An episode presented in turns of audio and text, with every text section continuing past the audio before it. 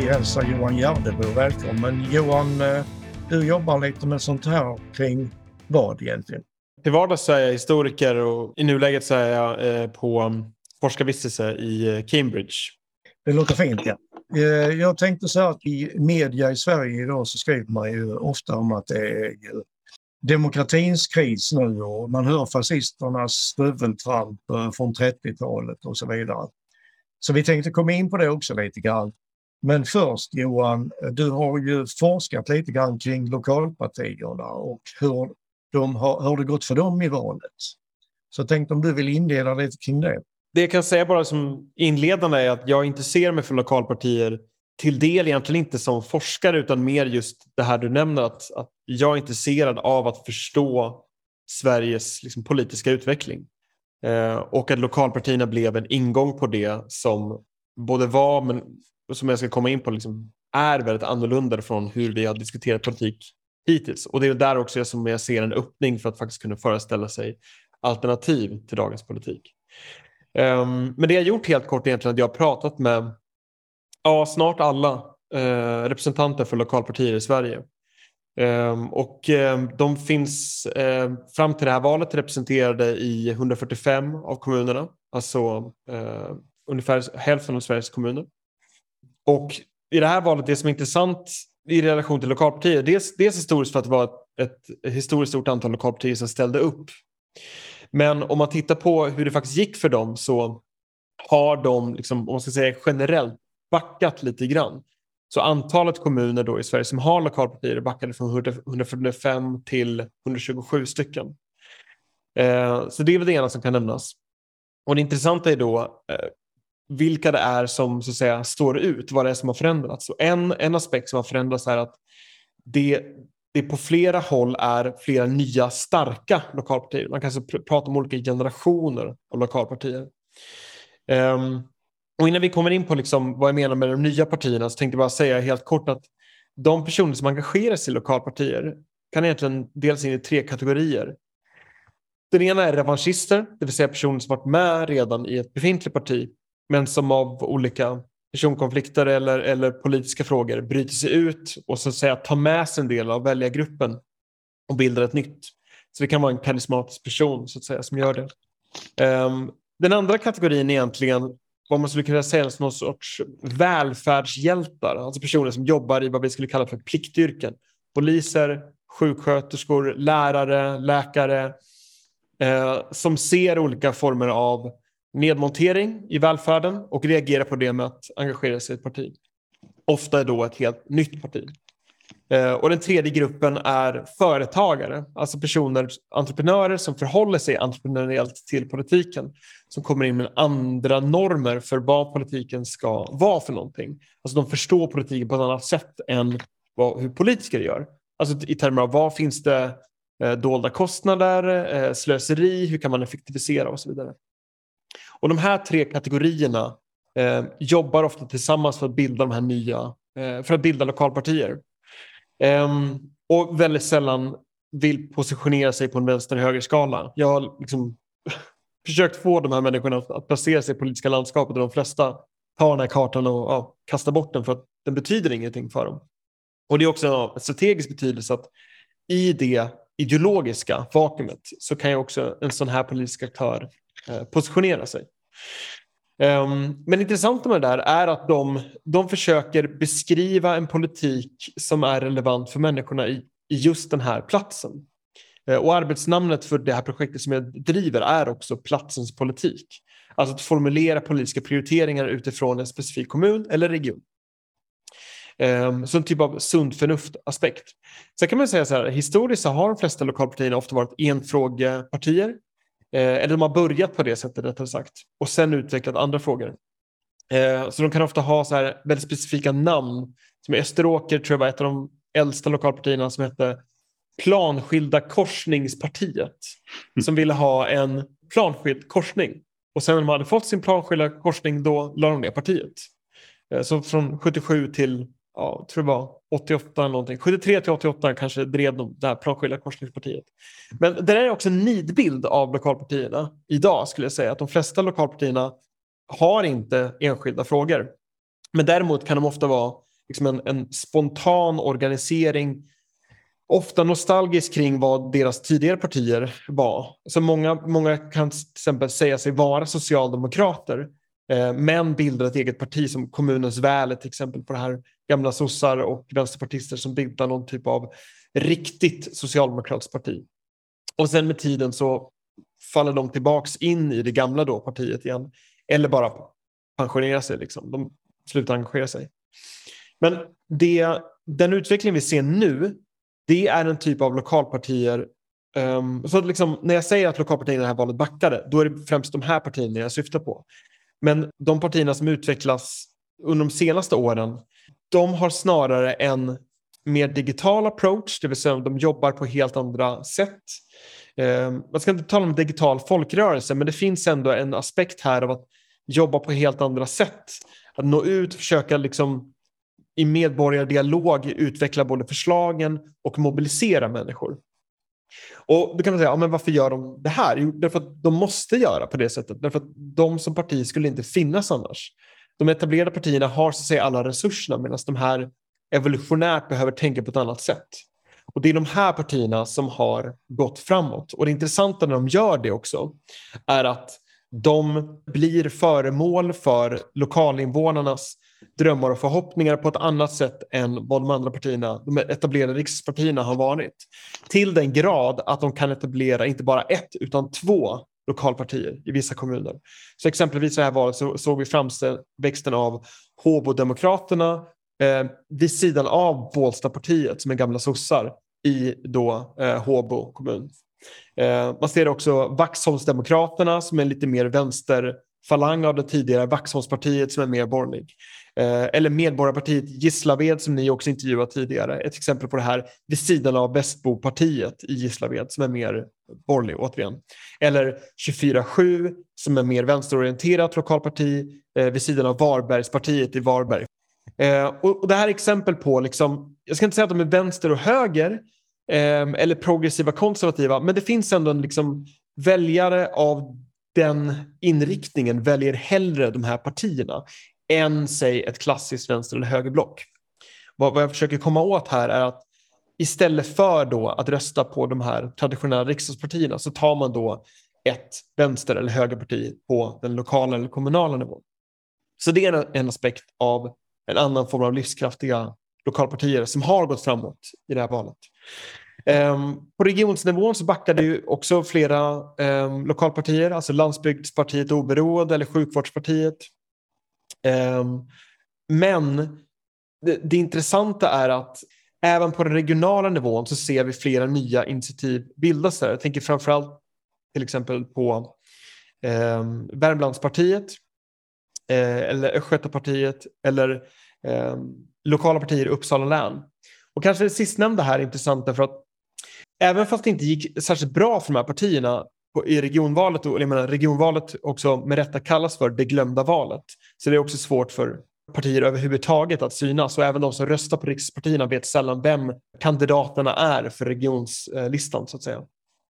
Men det som är intressant med, med de här partierna och framförallt då lokala partier i Uppsala län är att det är lokala partier som går samman och samarbetar över kommungränserna för att lägga fram en gemensam lista. Och Det här är väldigt starka lokala partier också i kommunerna i Uppsala. Om vi tar bara ett exempel, Knivsta.nu som mer eller mindre har varit i opposition mot samtliga andra partier dubblerade sitt mandatinnehav från jag tror det var 16 till 29 procent. Så liksom, det, det, är flera starka nya såna här lokala partier som återigen jobbar väldigt digitalt medvetet som har gått framåt i det här valet. Och Det är också en intressant utveckling. Um, men kanske den intressantaste som jag har sett är det som har skett kring Örebro-trakten, framförallt då Örebropartiet. Som utöver att de har liksom stärkt sin ställning från förra valet, gick från 3 till över 8% nu, också har byggt upp en koalition av lokalpartier i andra kommuner. Alltså man har hjälpt till att bygga fram andra lokalpartier. Och där lyckades Arvika-partiet, eh, Tierplistan Eh, och Edet-listan, Lilla Edet, att ta sig in i sina respektive kommunfullmäktige. Så här ser vi liksom fröna till en koalition som på sikt ser sig själv bilda ett nytt nationellt, alltså, alltså ett riksdagsparti. Där, där alla egentligen jobbar, alltså det är inte bara så att de enbart är digitala utan det är mycket dörrknackning och traditionell approach såklart också. Men de här partierna ser på sig själv som en del av någon form av Eh, återigen, jag vill inte använda ordet rörelse, men även om det kommer enkelt för oss svenskar att tänka i folkrörelsetermer. Men de, de ser sig själva som en del av ett gemensamt projekt på ett annat sätt än den här äldre generationen då, av, låt oss säga, spontana lokalpartier. Eh, och jag säger spontana därför att många lokalplanerare jag pratar med, de, de har liksom inget intresse av att prata med varandra. Därför att Dels av, av rent praktiska skäl, det är jättesvårt att organisera ett parti, oavsett vilket parti du är med i. Så all energi går liksom åt till, ofta, till, till den egna kommunens organisering. Men sen rent principiellt så ser inte de flesta lokalpartier ett intresse av att samarbeta med varandra. Um, det finns såklart undantag. Det finns lokala partiers nätverk i Sverige som samlar ett 30-tal lokalpartier och de samarbetar ju såklart med varandra och utbyter erfarenheter. Men ambitionen där är inte ett nationellt parti utan det är liksom snarare en intresseorganisation för dem för att stärka sig själv. Mm. Men så, så jag, jag, skulle säga liksom att vi ser ett skifte i svensk politik på den här kommunala nivån. Och den kanske inte är lika liksom, eh, intressant att prata om som att, att vi har en liksom, stundande på något sätt, Eh, fascistoid rörelse som det kallas i, i, i media i nuläget på, på nationella nivån. Jag kan förstå att man är intresserad att prata om det på det sättet för det är på något sätt en, en konflikt vi känner igen. Men den här konfliktytan på den lokala nivån den, den tror jag egentligen är av större betydelse om vi tänker flera val framåt. Man måste väl ändå säga att eh, oaktat resultatet så är ju det stora antalet lokala partier som ställer upp i val eh, eh, ett tecken på någonting, alltså en eh, reaktion eller en protest emot eh, de etablerade partierna. Även, på, eh, alltså även hur de reagerar på både lokalt och på riksnivå. Alltså en sorts, eh, ja, man skulle väl nästan kunna kalla det för en sorts vitalisering utav demokratin när folk på lokalplanet engagerar sig kring frågor som de tycker är viktiga. Nej, men jag håller med dig Ubbe om det och det är ju också någonting som eh, statsvetare i huvudsak har pekat på. Jag, jag, är själv inte statsvetare men, men det är liksom den, eh, den gängse beskrivningen av lokalpartierna att de fångar upp ett missnöje mot, mot eh, riksdagspartierna och att det är vitaliserande. Samtidigt som statsvetarna också pekar på hur det är svårt att bilda styrande koalitioner i, i kommuner där man då har lokalpartier. Um, och jag skulle också lägga till här att jag har hittills inte sett statsvetare ge någon tillfredsställande förklaring till varför um, vissa lokalpartier går fram. Det har varit flera uh, resonemang om specifikt Örebropartiet, exempelvis om varför det går bra för dem. Därför att i statsvetarnas beskrivning så borde inte de här partierna kunna plocka lika många mandat som de har gjort. Så jag skulle också säga att, att statsvetarna har en preferens för de etablerade partierna. Och jag som historiker, för mig är liksom inte bekymret hur man bygger fram en livskraftig koalition på vare sig kommunal eller liksom riksnivå, utan jag är intresserad av demokratin som politiskt fenomen i Sverige som i Sveriges längre historia. Eh, mm. Och det är väl där som jag ser att, och håller med dig om att lokalpartier är liksom både ett missnöje och vitaliserande. Men, men det intressanta är ju liksom snarare vad är det för typ av nytt politiskt språk som de möjliggör oss att formulera bortom mm. det som vi traditionellt sett har kallat för vänster och höger.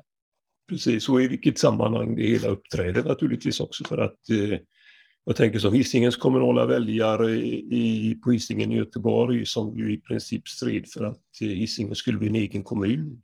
Jag var ju ganska länge ett etablerat parti Göteborg fast med en väljarkår enbart på Hisingen i princip. Och sen hade du vägvalet som plötsligt dök upp också som ett eh, politiskt projekt i Göteborg mot trängselskatterna och som försvann i förra valet. Och Demokraterna som dök upp som eh, någon sorts ja, efter, efterföljare till eh, vägvalet men, eh, och gjorde ett kanonval förra valet. Och nu eh, ja, knappt en tredjedel av rösterna som de hade i valet dessförinnan. Så situationen ser ju olika ut. Sjöbopartiet på den tiden, det var ju ett lokalt initiativ också va, som hade en speciell fråga som de drev. Så, va. Men nu är det liksom eh, ganska brett och det finns på många ställen. Och du nämnde ju det här med det digitala, men jag skulle ju också vilja peka på, alltså när det gäller Medborgarpartiet 24-7 i alla fall, så har ju de eh, också eh, varit ganska synliga i eh, lokala protester och lyckats och, eh, på det viset bli ett alternativ för de människorna som har vad som du kallar för välfärdshjältar. Alltså de har blivit ett parti för de människorna som fightas för sina arbetsvillkor eller för att olika saker ska fungera bättre när det gäller välfärden i kommunen och så. så att vid sidan av det digitala så har man ju också liksom varit väldigt synliga och konkreta i många kommuninvånares eh, vardag det kan man väl säga.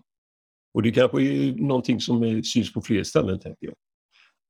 Jag tycker du poängterar någonting viktigt här Ubbe kring de partierna du nämner 24-7, Medborgarpartiet, Gislaved. Eh, och det är ju någonstans att de här medlemmarna eller grundarna ofta har en bakgrund ifrån en, liksom, den kommunistiska miljön i Sverige. Eh, eller vänstermiljön om man skulle själv kalla det liksom i bredare drag. Eh, ni får rätta mig om ni tycker jag har fel här, men liksom, det jag ändå tycker mig ha sett från de här partierna, och det, menar, det kan ju läggas till fler där, även Örebropartiet har en bakgrund från den autonoma vänsterrörelsen i viss mån. Um, så det, det, som, det som lokalpartiformatet möjliggör är ju också att fånga upp um, den, de målgrupperna, alltså det vill säga arbetande um, kommuninvånare, uh, bortom, um, vad ska man säga, bortom vänstern egentligen. Det vill säga att de, de här personerna kanske försöker mobilisera samma typ av väljare, men att man gör sig av med ett, ett visst typ av äldre språkbruk. Eh, det finns inte längre en, en poäng med att kalla någonting för liksom, socialistiskt. Det är liksom i någon mån historiskt skadat gods. Och kollar vi också till exempel på Socialisterna och Välfärdspartiet så gick det ju liksom inte lika bra i, i valet som de nog hade tänkt sig att det skulle gå. Så det intressanta här är ju, tänker jag, alltså speciellt eftersom vi ändå, ja, ni, ni, som, som driver Vi som bygger landet, så är det här intressant för att se på något sätt, var sker den här liksom, politiska mobiliseringen? Mm. Um, och jag, jag, tar de här referenserna till, till socialismen eftersom jag menar, du har ju Che Guevara om jag inte ser fel här i bakgrunden på väggen. Um, men också på det, liksom att, att, en möjlighet att tänka så här, okej, okay, men hur tänker vi om kring de här frågorna? Hur, hur driver man arbetande människors materiella intressen um, i en tid när liksom ideologierna inte längre har samma, um, utgör samma kompass låt oss säga, mm. som de en gång gjorde.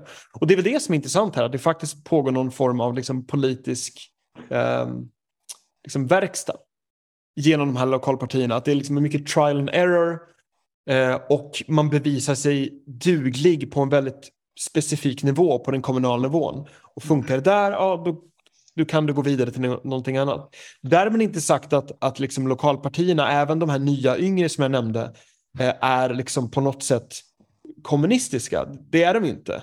Um, alltså, litmus-testet är, kan ni lösa lokala problem? Och gör ni det, då får ni förtroende för mer mandat. Mm. Um, och det här som du nämner med, med Hisingpartiet eller vägval för Göteborg som sen blev Demokraterna. Det var ju upp som en sol och ner som en pannkaka. Uh, de har ju nästan utplånats ifrån Göteborg. Jag tror Socialdemokraterna gjorde det där bland sitt bästa val på, på länge. Mm. Mm. Ehm, men, men det som Demokraterna och de partierna innan det reagerade mot var ju snarare någon typ av liksom, men, regelrätt korruption um, i, i Göteborg. Från, alltså att, att, man hade tappat förtroende för den befintliga politikerkåren och därmed ville göra en, en missnöjesröst här. Och det finns ju absolut um, ett utrymme för lokalpartier att fånga upp det missnöjet. samma sak kan man ju säga om Sjöbo. Alltså, SD idag är ju på något sätt liksom den nationella versionen av Sjöbopartiet. Så mm. på så sätt så är det intressant att se hur de här då mellansvenska nya lokalpartierna eh, kanske utgör en ny form av nationellt parti som först börjar då i Mellansverige och sen tas någon annanstans. Mm. Jag tror det är också viktigt att se att, att de här eh, partierna för liksom till exempel kommundelning, om vi tar då Eh, eller att man företräder en viss, viss, eh, viss ort i en kommun som bara partiet i Svedala till exempel eller Tullingepartiet i vad har jag min lilla lista av lokalpartier här? Eh, jo men Botkyrka. Eh, och samma med Drevvikenpartiet i Huddinge. Det här är liksom exempel på partier som försöker bryta ut då sin ort och bilda en egen kommun. Eh, det intressanta med det är hur då lokalpartierna blir ett uttryck för någon typ av liksom patronagesystem. Det vill säga, um, ja, men vad, Socialdemokraterna är ju ett centralt parti, men det har ändå byggts från grunden på och med införståelsen av att gubben i Stockholm känner gubben ute mm. eh, i kommunen så att säga. Mm.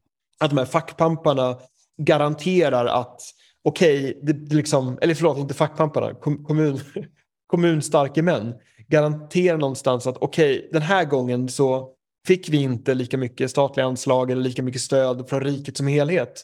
Men, men, men i framtiden kommer vi få det. Så att liksom, man ingår i ett, ett, i ett eh, landsomfattande projekt. Och det är där, alltså brottet med det landsomfattande projektet sedan 90-talet egentligen, som också ligger som en grundplåt i varför lokalpartierna har ökat i en stadig trend i alla fall fram till det här valet. Det, jag vet inte om, om du, det var det du, tänkte på Ulf när, du pratade om det här med, med eh, den nationella trenden också. Alltså hur man ska förstå det här i relation till, vad sa du, demokratins... Du sa någonting om, debatten om demokratin som helhet. Kan du, kan du påminna mig? skriver i media om att detta är demokratins kris. Eh, det här man säger nu, att, att SD har gått fram så mycket och man målar upp eh, de här stöveltrampen från 30-talet. Eh, men jag tror det är inte den saken du upplever från engagemanget från medborgarna. Alltså varför just är det demokratins kris? Vi ser nu att, att eh, SD och andra går framåt och lokalpartierna. Alltså om man ska göra en optimistisk läsning av det här så är det snarare att demokratin mår väldigt bra runt om i landet. Det finns flera, alltså att människor engagerar sig i lokalpartier är ju om någonting ett engagemang för demokrati. Det är bara att det ser inte ut som vi trodde att det skulle se ut. Så att där skulle jag snarare säga att det de senaste åren har varit alltså, riksdagspartiernas kris. Först i form av SD såklart, men på den kommunala nivån så är det absolut lokalpartierna som är utmanade där. Så det är snarare riksdagspartierna och deras lokala avdelningar och deras kris som vi just nu genomlever snarare än den svenska demokratin som helhet. Skulle vara min reflektion i så fall. Um, om någonting så skulle man säga att, att lokalpartierna har backat det här valet.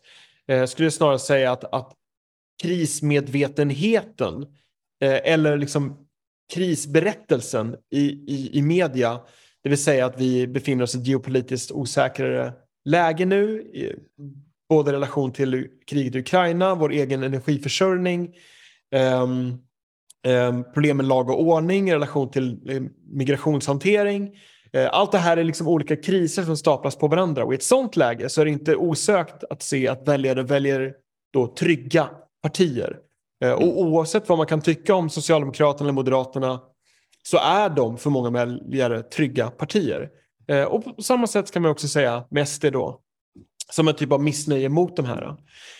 Um, och det skulle då kunna förklara varför lokalpartierna går bak. Om så är fallet, då kommer vi snarare se en fortsatt betoning på hur landet befinner sig i kris för att riksdagspartierna ska kunna behålla sitt väljarstöd. För det är först i en kris som man behöver de här partierna och inte lokalpartierna. Så jag skulle, jag skulle inte säga att, att demokratin, vare sig med, med liksom det parlamentariska läget vi har nu eller hur utvecklingen sett ut de senaste årtiondena och befinner sig i en kris. Men det är definitivt en omstöpning av vem man sätter sin tilltro till. Eh, där lokalpartierna är en sån växande kraft.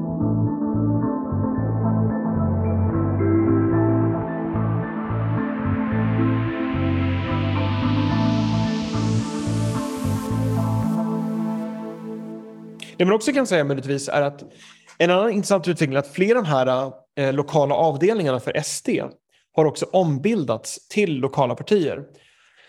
Och om man ska liksom titta på SD som parti lite snabbt, för jag menar så här, det är svårt att göra någon valanalys här utan att nämna dem specifikt. Så Eh, det här är ett parti som är medvetna om att man sätter fokus på de medlemmar som inte kan bete sig inom den egna organisationen. Och därför har man också slagit ner ganska hårt på de som ja, men gör olika uppseendeväckande uttalanden. Men det gör också att flera drivande personer som kanske helt enkelt bara är liksom, ja, men de, de har svårt att foga sig i ledet att de också åker ut, liksom som barn med badvattnet. Eh, och flera av de här då liksom mer drivande lokala profilerna bildar också lokala partier. Så jag skulle inte vara förvånad om vi över tid ser hur SD, låt vara gå fram på den nationella nivån, men på den kommunala nivån ombildas till lokala partier. Och man ser också att SDs flera lokala partier har en väldigt låg närvaro i, i sina kommunfullmäktige till exempel. Så liksom det, det, är likt de andra partierna toppstyrda partier. Men kanske särskilt i SD har de svårt på den kommunala nivån att möjliggöra ett engagemang där och människor då där, som, som vill engagera sig i någonting nytt först gå från SD och sen ombilda till kommunala partier. Du nämnde Eh, Knivsta.nu tror jag du sa, eh, som hade gått fram väldigt mycket. Ser du någon faktor som, för dem och andra varför de har gått fram? Alltså, jag är ju uppväxt i Knivsta, så det är liksom min egen partiskhet att lyfta upp dem som ett specifikt exempel. Eh, nej, men ehm, alltså det som hände under förra mandatperioden var att flera andra partier isolerade Knivsta.nu från inflytande. Och jag tror att alltså, väljare ser igenom det här och kan också tycka att det inte är schysst. Så de, jag, jag tror det finns flera missnöjesröster där också. Att man har liksom röstat på ett lokalparti, i det här fallet Knivsta.nu, för att bryta den, den, eh, det politiska dödläget. Det är en faktor. Den andra är också att, att eh, Knivsta eh, dras med en hel del tillväxtverk eh, och flera personer vill att det ska gå långsammare och då är Knivsta.nu ett alternativ för det. Um, men de är också väldigt duktiga på sin digitala närvaro. Alltså de digitala partierna, eller förlåt, de, de lokala partierna eh, tillsammans då med SD på riksnivå eh, dominerar i, i den digitala sfären. Um, jag tror, jag tror alltså i, i flera lokalavdelningar för riksdagspartierna har man inte ens konton för sociala medier. Och jag menar, jag sitter inte här och försöker evangelisera för, för att man ska befinna sig på TikTok eller liksom andra platser. Men de här partierna använder alla medel de kan för att nå ut. Och de spar ofta sina medel till just valrörelsen. Medan riksdagspartierna har för vissa stöd ifrån centrala kanslier men de måste också skicka vidare en del av sina pengar till de här kanslierna.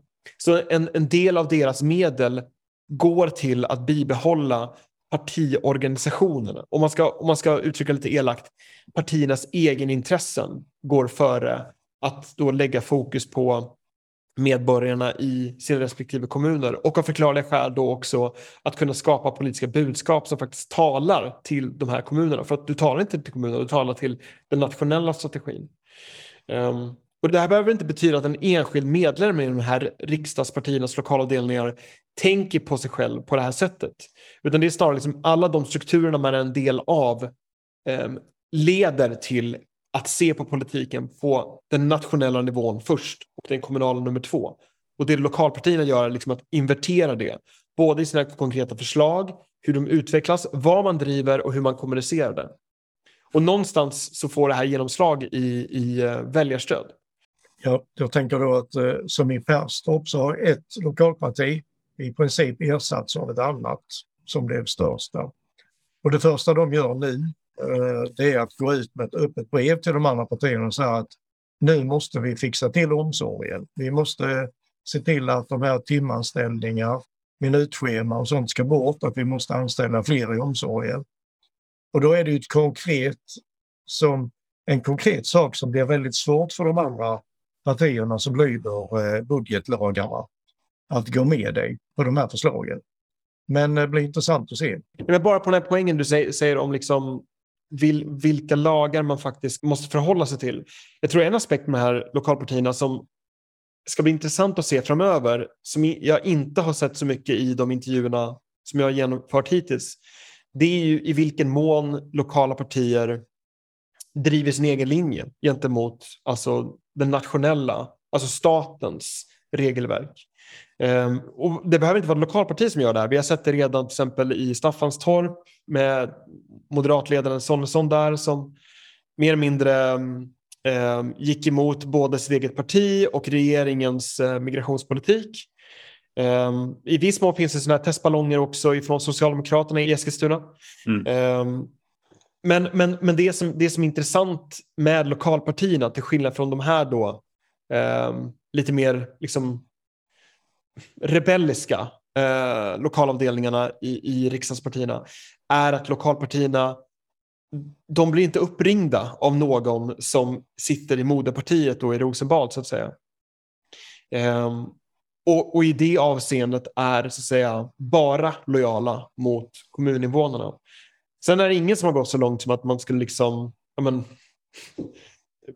bryta mot lagen. Men, men de är mer beredda att, att processa. Alltså, du kan ju också gå väldigt långt i att bara vara bråkig, så att säga.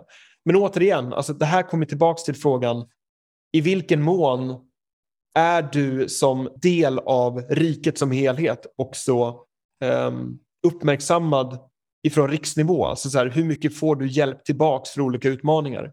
Och om du efter ett antal decennier inte ser att du är det, då är det inte heller särskilt liksom överraskande att du får partier som driver det missnöjet, som kanaliserar det. Um, så jag tror, jag tror snarare att det, det, liksom, det vi kommer se nu är hur många av de här um, lagarna i själva verket är liksom hyfs som kommunerna har förhållit sig till. Men i praktiken så är egentligen kommunerna kapabla att göra väldigt mycket. Det är bara att man har inte gjort hittills, man har betett sig. Um, och det är väl där den här liksom omformuleringen, och det är intressant liksom historiskt för Sverige som en enhetsstat, om man tänker tillbaka till Axel Oxenstierna och liksom, ja, land ska med lag byggas och så vidare. Liksom att, att vi, vi här ser en, en, liksom en spänning i hur delarna i landet förhåller sig till helheten. Och därmed över tid vice versa. Mm. Men det, nu, nu spekulerar jag. Mm. Ja, men det här är väl en del av den polarisering som man ser överhuvudtaget i samhället. Och som också då eh, ganska tydligt visar sig i motsättning mellan eh, stad och land och framförallt mellan huvudstad och land.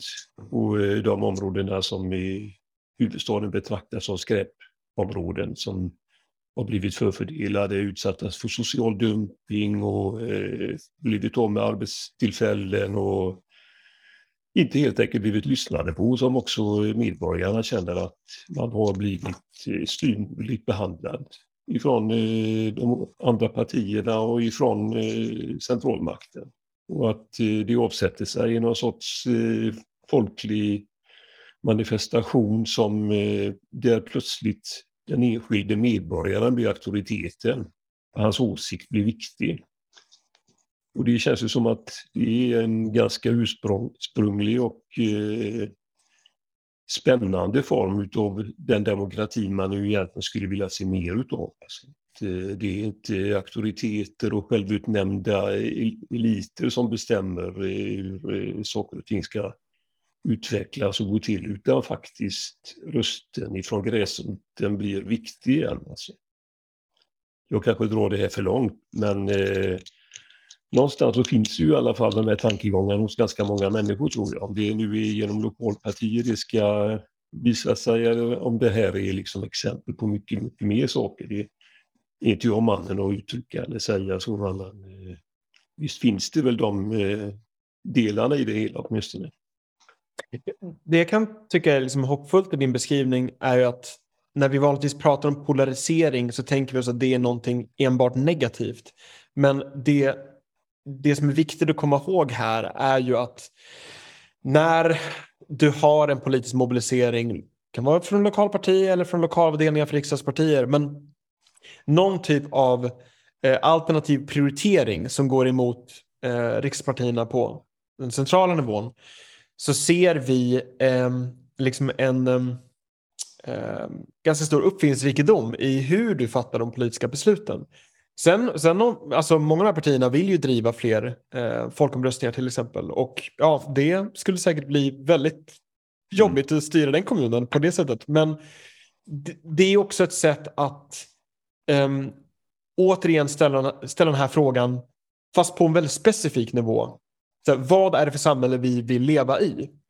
Och när, om du då i mandat utmanar befintliga partier, då blir den frågan per definition viktig för de här partierna. Därför att annars de förlorar sin makt, de förlorar sitt, sitt levebröd. Eh, och därför så kan vi räkna med att frågan inte försvinner. Och det tror jag liksom i det längre loppet är eh, önskvärt. Sen, sen att leva igenom det, att vara en del av polariseringen som du beskriver, ja det, det är nog rätt uppslitande. Men det här är ett, ett format för missnöjet som de flesta människor skulle kunna se liksom en poäng med. Eh, oavsett om de här partierna är enfrågepartier eller om man ser det liksom i längre perspektiv på att vi börjar här, vi tränar upp oss och över tid så kan vi faktiskt eh, ta makten även i regionen och till och med kanske i riksdagen. Eh, alltså den här, den, här, den här floran av politiska krafter rymmer liksom allt från liksom någonting väldigt kortsiktigt och partikulärt till liksom det mer visionära. Um, men jag vill, jag vill helt enkelt säga att för den som räds liksom, polariseringen så tror jag att det här är um, någonting rätt positivt att fästa sina ögon vid. Det är ju en väldigt mycket färre politiker idag i Sverige än det fanns för ja, 60-70 år sedan. Där, om jag kommer ihåg det rätt, det fanns 500 000 förtroendevalda. Och det måste ju vara en väldigt stor faktor detta också att vi har haft en sån smal, jag menar om det nu blir fler lokalpartier och, mång, och de engagerar många människor så är det ju en väldigt bra faktor istället för demokratins utveckling istället för demokratins kris. Om du kommer ihåg siffrorna eller något sånt eh, Johan. Men... Alltså det fanns ju ett, ett långt större antal kommuner tidigare också. Um, så att mycket av det här är ju såklart på något sätt att försöka organisera upp landet så att det ska kunna bli så att säga då, effektivt. Men den här, det man ska komma ihåg är att eh, i den här effektiviseringsprocessen så förutsätter du också att det finns en legitimitet och legitimiteten kommer ju av att det tjänar ett flertal. Men, alltså, och här ser vi också liksom, oavsett regering så um, tar, tar vi, tar vi en, en sån här utveckling av norra inlandssverige som egentligen fram till nu när vi ser nyindustrialisering, men, men fram till nu så har man ju sett en, en åderlåtning av delar av liksom, samhällen där jobb, jobben försvinner helt enkelt. Um, och i ett sånt läge så måste du till slut ställa dig frågan, den här effektiviseringen, vad, vem tjänar den? Um, och det är väl det som återigen de här lokalpartierna tvingar makthavare att liksom diskutera. Mm. Um, och även i förlängningen tror jag också så här, precis som när andra partier kom in i riksdagen, alltså jag tänker både på när um, Folkpartiet kom in, eller Miljöpartiet, um, Kristdemokraterna och sen SD. Alla de här inträdena i riksdagen är liksom lika mycket en chock för de som kommenterar det politiska landskapet. Vi var tvärsäkra på hur Sverige skulle utvecklas eh, som land och stat. Mm. Att de som vars jobb det är att analysera det här har en, en inbyggd lojalitet till det befintliga systemet snarare än att se på den här utvecklingen utifrån. Med så här, okej okay, men vart, vart, lut, alltså, vart kan det här gå? Istället för att säga på något sätt vad som är önskvärt utifrån de befintliga aktörerna. Så jag tror också, jag, jag tror, jag tror också liksom att, att det är um, det är lika mycket ett behov av oss som liksom är nördiga och intresserade av politik att börja tänka så här, men om vi ritar om den här kartan, om, om vi tänker oss ett parti som plötsligt kan ta, ja, men lite grann som Sören Holmberg var inne på på valnatten, att SD tog väljare ifrån eh, arbetarväljare från sossarna, eh, företagare från Moderaterna och sen så nämnde han bönder. Jag är osäker på hur stor den gruppen är. Men ni förstår liksom poängen här, liksom, att du, du skapar ett parti som tar väljare från många olika grupper. Och där kan ju absolut lokalpartierna sägas vara ett, en sån politisk kraft som, som tar ifrån olika läger. Då kan man antingen säga så här, ja men det är fel på de här partierna. Eller så kan man säga att det är fel på vår analys och förstå de här partierna. Uh, och jag försöker väl slå ett slag för att det är exakt de frågorna vi behöver ställa oss nu. nu liksom. Hur kan vi förstå det här politiska landskapet på ett annat sätt än vad vi gjort hittills? Och då ingår också det här med höger och vänster om jag förstått mig rätt. Ja, att de begränsar vårt synsätt. Det är klart man kan säga att de begränsar, de, man kan också säga att de möjliggör på ett annat sätt. Men höger och vänster sedan liksom 1800-talet handlar ju någonstans om att beskriva ett i grunden eh, växande överflöd. Där liksom både socialismen och liberalismen som ideologier tror på tillväxt. Sen håller man inte hålla med om hur du maximerar den, hur den ska fördelas eller vilken roll staten intar där.